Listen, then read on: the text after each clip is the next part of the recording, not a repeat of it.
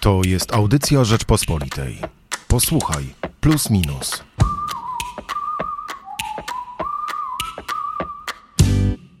Między wiarą, ideologią i rzeczywistym zagrożeniem. To hasło zobaczą Państwo na okładce najnowszego wydania magazynu Plus Minus i o tym porozmawiamy dzisiaj w redaktorskim duecie. Michał Płociński i Hubert Salik. No, zaczęło się w Polsce chyba od tych robali ostatnio, prawda? Duża afera, e, że każą nam jeść robaki i że jeszcze nie będziemy mogli kupować więcej tam niż kilka ciuchów rocznie. No, myślę, że zaczęło się dużo wcześniej, tylko te robale są widowiskowe, lata wcześniej. No i doświadczyliśmy tego chociażby 1 stycznia tego roku, kiedy temperatura w Warszawie przekroczyła 16 stopni Celsjusza. No bo o klimacie to można by rozmawiać i rozmawiać, ale rzeczywiście, e, jak zauważają nasze, nasi autorzy, i Michał Kuś, i Mariusz Janik, którzy otwierają swoimi tekstami e, nasze danie główne ekologiczne, e, ostatnio, szczególnie w polityce polskiej. Temat ekologii i zmian klimatycznych nabrał dużego e, przyspieszenia. A prawica zauważyła, że wreszcie jest temat, e, do którego można się ustawić na kontrze. Można pokazać, że jest pewne zagrożenie i można pokazywać swoim wyborcom, że będzie się ich przed tym zagrożeniem bronić. Wszystko, jak widać, może być narzędziem polaryzacji. W tym przypadku narzędziem polaryzacji jest jedzenie. Miejmy nadzieję, że to nie będzie to polaryzacja religijna, choć Janek Maciejewski w tekście Zróbmy sobie Boga, który publikujemy, twierdzi, że coraz bliżej mm, ekologizmowi do charakterystyki wiary. No, o tym też pisze Michał Kuś w tekście Pokuta za grzechy ludzkości, bo coś takiego jest dzisiaj w ruchu ekologicznym i w ideologii, e, e, która powstaje na kanwie e, tego ruchu, że ona rzeczywiście przybiera takie bardzo to, ta, taki totalny obraz, tak bym to powiedział, że staje się rzeczywiście wypełniająca e, pewną ideą, ideologią, która wypełnia, wypełnia wszystko e, i stara się podporządkować pod siebie wszystko, no bo jeżeli czeka nas Armagedon, no to trudno, żeby rzeczywiście nie traktować tego poważnie. Zacznijmy może od tego, Hubert, że rzeczywiście mm, fakty są takie, że mamy poważny problem i że musimy zmienić e, coś w cywilizacji naszej, pewnie szerzej, w ogóle w ludzkości. E, I nikt tego z nas e, nie podważa, żaden z naszych autorów. Zastanawiamy się za to tylko, czy w ogóle o tym można dzisiaj dyskutować, bo samo postawienie tej sprawy, że to rodzi się pewna ideologia, już jest e, podważaniem pewnej świętości, mam wrażenie. I już się pojawią głosy, które powiedzą: halo, halo, a plus minus tutaj zaczyna bruździć nam, zaczyna e, wkładać palec w szprychy. Co więcej, podważa właśnie tą świętość, chociaż nie tymi e, e, słowami. A chyba warto się zastanowić, w jakim jesteśmy momencie i jakie mamy alternatywy. Co, jeśli rzeczywiście niczego nie zmienimy, a co, jeżeli zmienimy to radykalnie. W sumie fajnie być czasami obrazoburczym, a my w jakimś sensie piórami naszych autorów. Jesteśmy trochę obrazoburczy. Mm, no, problem jest no, gigantyczny. Nie ukrywajmy, że dotyczy całego świata. E, Europy w tym stopniu, że powoduje mm, migrację, a te migracje spowodowane e, oczywiście zmianami klimatycznymi, a co za tym idzie dostępnością no, podstawowych mm, środków do przeżycia. Mówimy o żywności, wodzie. E, no, będą, będą dla jednych zagrożeniem, dla takiej europejskiej spójności, a dla drugiej też jakimś niebezpieczeństwem dla e, systemów gospodarczych, dlatego że utrzymanie takiego napływu uchodźców e, przez kraje rozwinięte może być najzwyczajniej w świecie utrudnione. Ale to oczywiście jedna z wielu stron medalu, natomiast gdyby spojrzeć na to szerzej, wydaje mi się, że jeśli już odchodzimy od jedzenia, od tych robaków, od tych dyskusji twitterowych, że jednak trzeba by ten świat podzielić na potrzeby takiej analizy na parę segmentów. Bo tak, oczywiście z większości badań, e, tak, trudno z tym nawet polemizować, dosyć szczegółowych wynika, że największy ślad, węglo, ślad węglowy pozostawiają ludzie o najwyższych dochodach, a ludzie o najwyższych dochodach, którzy często latają, mają czasami nawet kilka samochodów, domów, to wszystko w jakimś sensie.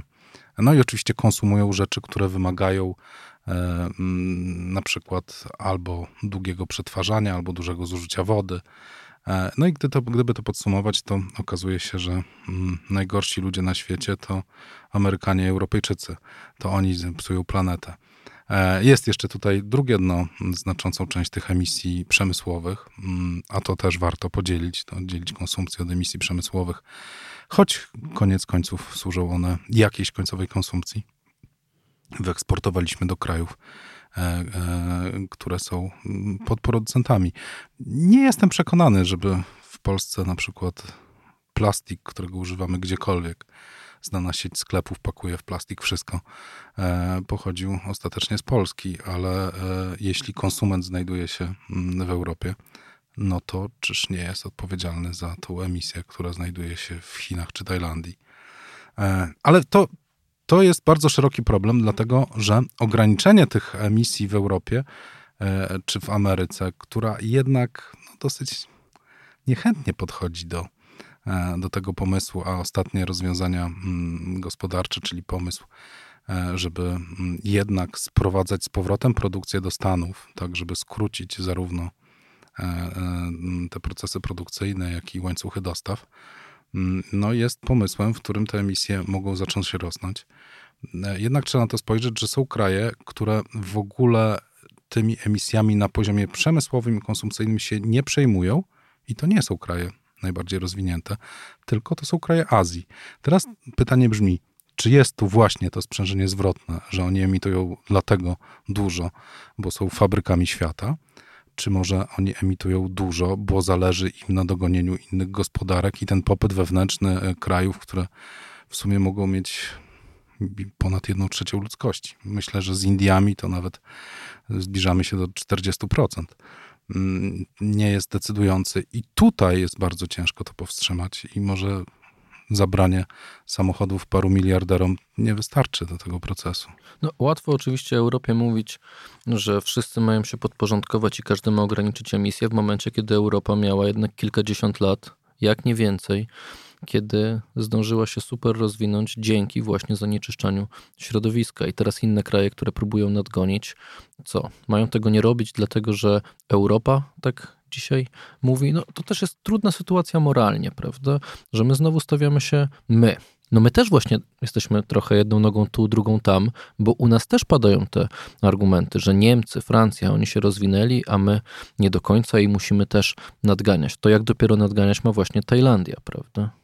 No, z naszej perspektywy zawsze jesteśmy krajem e, mniej rozwiniętym niż liderzy Unii Europejskiej, ale prawda jest taka, że patrząc na wskaźniki gospodarcze i stopę życia, e, Polska jest krajem rozwiniętym w skali globu. Wystarczy wyjechać do Afryki i Azji i łatwo można dostrzec, że no niektóre rzeczy, które dla nas są oczywiste na poziomie dostępu do dóbr, usług, e, chociażby komunalnych, tam są, no to jest ciągła walka.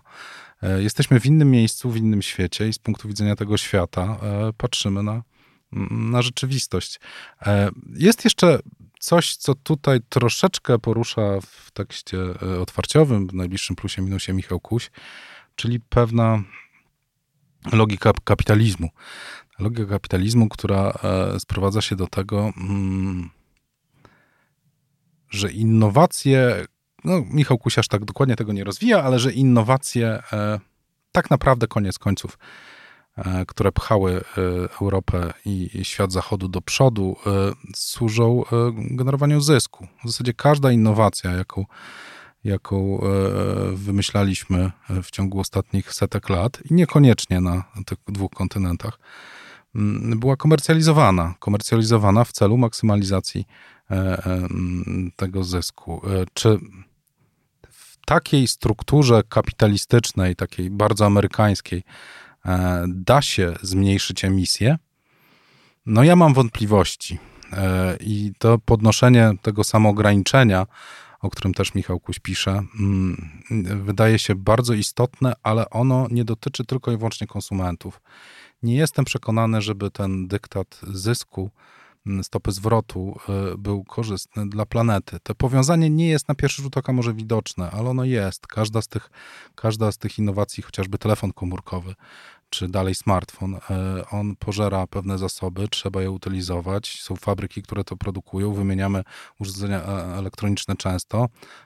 No i ta innowacja stała, jest źródłem dodatkowych emisji i zanieczyszczenia środowiska. Tak, to jest poważny problem, że rzeczywiście Unia Europejska coraz głośniej mówi o tym, żeby nie posta- żeby walczyć, że chce walczyć z postarzaniem e, produktów, e, na przykład telefonów, tak, żeby one się szybko nie psuły, tylko służyły dłużej, na przykład żebyśmy nie musieli przez 10 lat wy- wymieniać smartfona, a z drugiej strony no musimy sobie zdać sprawę, że to właśnie dzięki temu, że te produkty są postarzane i że ciągle kupujemy nowe e, modele, nakręcany jest rozwój, nakręcana jest e, kolejna zmiana e, technologiczna, e, więc nie jesteśmy w łatwej sytuacji, bo zarazem jest takie oczekiwanie, może nie od ruchów, ze strony samych ruchów ekologicznych, bo one zresztą, tak jak pisze Michał Kuś, są w rzeczywistości ultrakonserwatywne.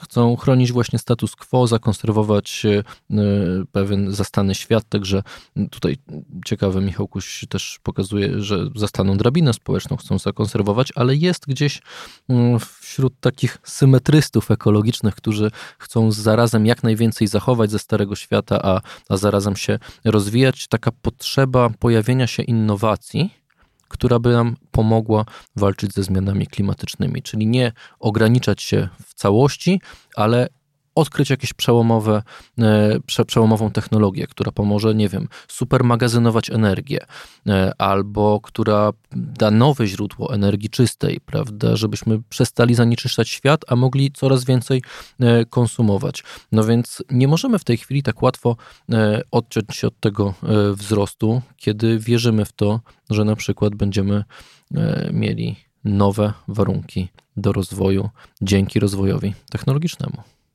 Wiesz co, ja bym spojrzał na to aż z trzech punktów widzenia, tak po kolei idąc e, od ostatniej rzeczy, którą powiedziałeś. Znacząca część dużych firm na świecie e, z krajów zachodnich znajduje się na rynkach kapitałowych. Te rynki kapitałowe wymagają od tych firm, żeby te firmy e, albo zwiększały przychody, albo generowały wyższe zyski. E, coraz bardzo często jest tak, że generują wyższe zyski kosztem cięcia, kosztem cięcia kosztów, czyli często, mm, czyli wchodzą tu w grę dwa elementy, albo jest to innowacja, albo jest to w sytuacji, e, trudniejszej sytuacji ekonomicznej, jaką mamy teraz, są to zwolnienia na przykład, czyli dotyczą naj, e, w krajach zachodu przy takim natężeniu innowacji największym kosztem staje się człowiek, ale też nie chodzi o natężenie innowacji, ale też dlatego, że to są często gospodarki usługowe, bo wyeksportowały tą produkcję, którą konsumują e, później za granicę. Więc e, te sprzężenie zwrotne czyli ciągła potrzeba wykazywania e, coraz lepszych wyników finansowych mm, jest, e, wydaje mi się, w skali globalnej dosyć szkodliwa. I tego trend, ten trend trudno odwrócić, i to jest dyskusja o kapitalizmie, o istocie kapitalizmu, o tym, jak go zmienić. Druga sprawa to to, o czym mówiłeś, dotycząca, dotycząca ruchów ekologicznych. Jesteśmy świadkowi zmian klimatycznych, poważnych zmian klimatycznych. Mamy prawo do niepokoju, ale coraz częściej widać, że te ruchy klimatyczne, niektóre z nich, nie wszystkie, operują na strachu. E, I ten strach, ta obawa jest uzasadniona. Na horyzoncie są zmiany, one się dzieją na naszych oczach. W ciągu 20 lat temperatura wzrosła znacząco. Ten 1 stycznia w Polsce dla mnie to był szok. Te 16 stopni w Warszawie. I, e, ale historia ludzkości pokazuje, że jeśli masy albo jakieś grupy w obrębie tych mas zaczynają działać na poziomie strachu, to w pewnym momencie trudno jest rozgraniczyć, gdzie jest e, realna próba rozwiązania problemu, a gdzie dochodzi do sekciarstwa. Gdzie powstają sekty, bo sekty dosyć łatwo tworzyć na strachu. E, to nie mówię wcale, że ekologizm jest sekciarski. Mówię, że przy tak dużym spektrum zachowań i tak dużym spektrum różnych zjawisk, e, strach e, powoduje, że takie wyspy się wyodrębniają i wtedy mają skłonność do przemocy. Czyli niektórzy mówią o terroryzmie ekologicznym. Mm, I to będzie się nasilało, moim zdaniem. To jest niepokojące zjawisko, ale zwykle jest, zwykle jest związane ze strachem i obawą. Mm, I to jest też kłopot, jak rozwiązać ten problem, kiedy elity polityczne mm, Europy co też trochę pokazała wojna w Ukrainie, są e, trochę w matni tego pieniądza i przychodu, tego poziomu życia, tego, żeby utrzymać ten poziom życia, że ścieżki awansu i ambicje są związane z, e, z jakimś obrotem, chociażby w przypadku wojny w Ukrainie towarowym. No, ale z jednej strony, wiesz, elity i, i, i firmy, a z drugiej strony ludzie, którzy, którym jednak nie można zabrać nadziei, prawda? Nie można powiedzieć wprost y, ludziom, że sorry, ale wy będziecie żyli dużo gorzej niż żyli wasi rodzice i musicie się na to zgodzić. To jest myślenie polityczne. Prawda jest taka, że tak będzie. Żaden polityk tego nie powie, e, albo jeśli będzie mówił, to jeśli mówi, to raczej stara się zyskać e, potencjalnych wyborców w obrębie jakichś tam grup, ale tak, wszystko na to wskazuje, będziemy żyli gorzej. Nie ma od tego odwrotu, e, bo musiałyby się zacząć procesy w skali globalnej, a nie w skali kontynentalnej, a ponadto musiałyby się zmienić postawy ludzkie, a tutaj mamy do czynienia najwyraźniej w wielu miejscach z ambicjami dochodowymi. Trochę jak e, książka Jonathana Hickela, mniej znaczy więcej. No chyba jest czas na to samoograniczenie. Ale jeśli samo, i tu wrócę, jeśli to samoograniczenie będzie ciągle bazowało na strachu, to ciężko będzie rozróżnić, gdzie jest rozsądne samoograniczenie, a gdzie jest, e, gdzie, gdzie stajesz się członkiem sekty, która krzyczy e, wywróćmy wszystko do góry nogami. E, bo wywrócenie do, wszystkiego do góry nogami może się okazać bardzo złym pomysłem. Rewolucje kończą się krwawo, a ewolucje niestety czasami się nie udają. No to ja jeszcze zakończę przywołując e, parę z tekstu Michała Szyłdrzyńskiego pod tytułem Ujeżdżanie potwora ekologizmu, e, że niestety na to polska prawica, ale nie tylko polska, amerykańska także, no nie ma żadnej odpowiedzi, bo mm, trochę próbując ujeżdżać tego potwora, staje absolutnie w kontrze, e, nakręca swoich wyborców, żeby odrzucali w ogóle mm, fakty, że, że w ogóle jest jakieś wyzwanie i że trzeba mu jakoś sprostać. I wcześniej czy później, kiedy już stanie przed tym faktem dokonanym, prawda, że, że zaczynamy rzeczywiście zmieniać mocno nasze życie, naszą gospodarkę, że zaczynamy walczyć e, o to, by, by mniej zanieczyszczać e, ziemię, ona zostanie sama i tak naprawdę z własnego wyboru na absolutnym marginesie życia politycznego. Ale to, to, to zakłada, że istnieje ciągłość prawicy. Zawsze będzie jakaś prawica, która będzie bardziej konserwatywna, tylko że to będzie zupełnie inny konserwatyzm, inna prawica, bo punkty odniesienia się zmienią. Ale jeszcze najbliższe wybory na tym straszaku mo może na przykład w Polsce wygrać no myślę, że nie tylko najbliższa. W Europie ten straszak e, moim zdaniem zaczyna już na poważnie działać. E, e, natomiast zwróć uwagę, że chyba jedyny kraj, gdzie zieloni są tak naprawdę u władzy w Europie, czyli Niemcy, nie wykonuje jakiś, dopiero przymuszony wojną zaczął wykonywać na poziomie wytwarzania energii jakieś ruchy, no, proekologiczne. No, i, I, dopiero teraz y, w perspektywie tego zagrożenia bezpieczeństwa ze, ze wschodu my w Polsce dostrzegamy, jak bardzo konserwatywnym krajem są Niemcy. Przykład Zielonych jest o tyle ciekawy, że pokazuje, że kiedy ideologia, kiedy ideologia, kiedy pewna idea, e, ludzie z pewną ideą trafiają e, do władzy, stają się taką samą elitą. Ta idea się rozpuszcza w ambicji, potrzebie posiadania i potrzebie może przede wszystkim statusu i władzy. Hubert, no to zawsze będą jacyś zieloni, którzy wyrosną w kontrze do tych zielonych. Zawsze będą jacyś zieloni, nawet jak już nie będzie lasów. A my Państwa zachęcamy po sięgnięcie po najnowszy numer Plusa Minusa, gdzie nie tylko Michał Kusi, Mariusz Janik, Michał Szudrzyński czy Jan Maciejewski piszą o ekologii, ale także na przykład Piotr Zaręba, przygląda się polityce i to tej szerszej, bo na przykład e, euroatlantyckiej, e, a Jędrzej Bielecki e, pisze o tym, jak Putin uratował jedność Zjednoczonego Królestwa. Zapraszam Państwa do kiosków i oczywiście na stronę rp.pl i wszędzie, gdzie można kupić e-wydanie Rzeczpospolitej i plusa minusa. Michał Płuciński i Hubert Celik. Słuchaj więcej na stronie podcasty.rp.pl. Szukaj Rzeczpospolita Audycje w serwisach streamingowych. Poznaj mocne strony Rzeczpospolitej. Wejdź na prenumerata rp.pl. Polecam. Bogusław Rabota, redaktor naczelny.